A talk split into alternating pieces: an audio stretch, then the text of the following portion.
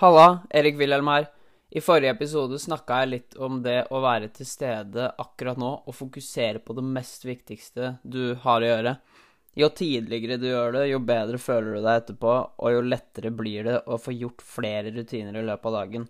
Når du sluntrer unna, driver på telefonen og prokrastinerer, blir det vanskeligere og vanskeligere å stoppe jo mer du gjør det gjennom dagen. Men dette er også sant for produktivitet. Hvis du får unnagjort den mest viktige rutinen så tidlig som mulig på dagen, om dette er trening eller studering eller jobb eller idrett, jo lettere blir det å fullføre flere plikter eller punkter på lista. Derfor må man stacke seire fra første minuttet man våkner. Om dette er å re opp senga, ta en kalddusj, løpe, trene, meditere eller hva enn det er.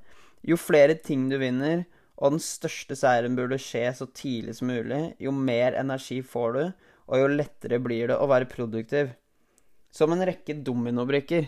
Vanene og handlingene dine gjennom morgenen og dagen kommer uunngåelig til å bygge på hverandre, om det er bevisste, produktive handlinger eller ustrukturerte, uønskede vaner som skaper sløvhet. Men det er opp til deg å bestemme hvilken retning du vil bevege deg i. Blir det produktivitet, progresjon og suksess, eller unnasluntring, komfortsone og regresjon? Du bestemmer. Nei, det er et vanskelig valg, men eh, det er litt gøy å tenke på at um, jo mer dårlige vaner du utfører i løpet av dagen, jo lettere blir det å ta dårlige valg. Men jo flere bra valg du tar i løpet av dagen, jo lettere blir det å ta bra valg og ha produktivitet. For å gå litt tilbake, så tror ikke jeg det er noe annet enn akkurat nå. Fremtid og fortid er på mange måter bare illusjoner. Den ene et minne, den andre en usikker fantasi og forventninger. Men det er en liten margin mellom å bli redd og frustrert over hva som har skjedd, og det som kommer til å skje, og å utnytte minnet du har, og visjonen for fremtiden du prøver å skape deg.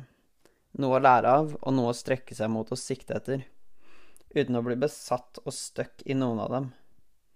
Steget mellom å lære av fortidige hendelser og bli overveldet av dem og ikke kunne akseptere hva som har skjedd, er veldig lite. Det som har skjedd, har skjedd. Aksepter det. Men du kan lære av det og finne ut hva du må gjøre annerledes neste gang. Uten å la følelsene ta over, da, selvfølgelig. Uten et mål å sikte på kan du ikke skyte. Uten en retning eller en idé om hvor du vil, så kan du ikke komme deg dit. Du må se målet du sikter etter, for å være sikker på at du holder deg på riktig sti uten å bli distrahert. Som jeg snakka om i forrige episode, kan du heller ikke bli stuck i planleggingsfasen. Det viktigste er hva man gjør akkurat nå for å komme nærmere den fremtiden man vil ha.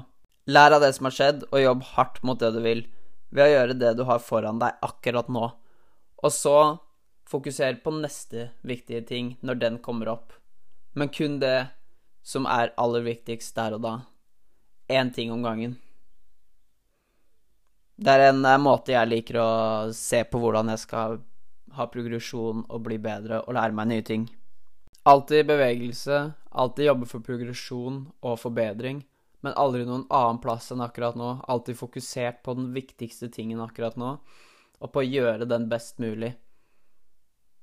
Det er det jeg hadde for i dag. Jeg håper dere syns det her var spennende. Hvis dere likte den, så please del den rundt. Gi som five star review på Spotify, for det hjelper med å få flere til å få den opp. Så kommer jeg tilbake med en ny episode på torsdag. OK, takk for meg. Ha det bra.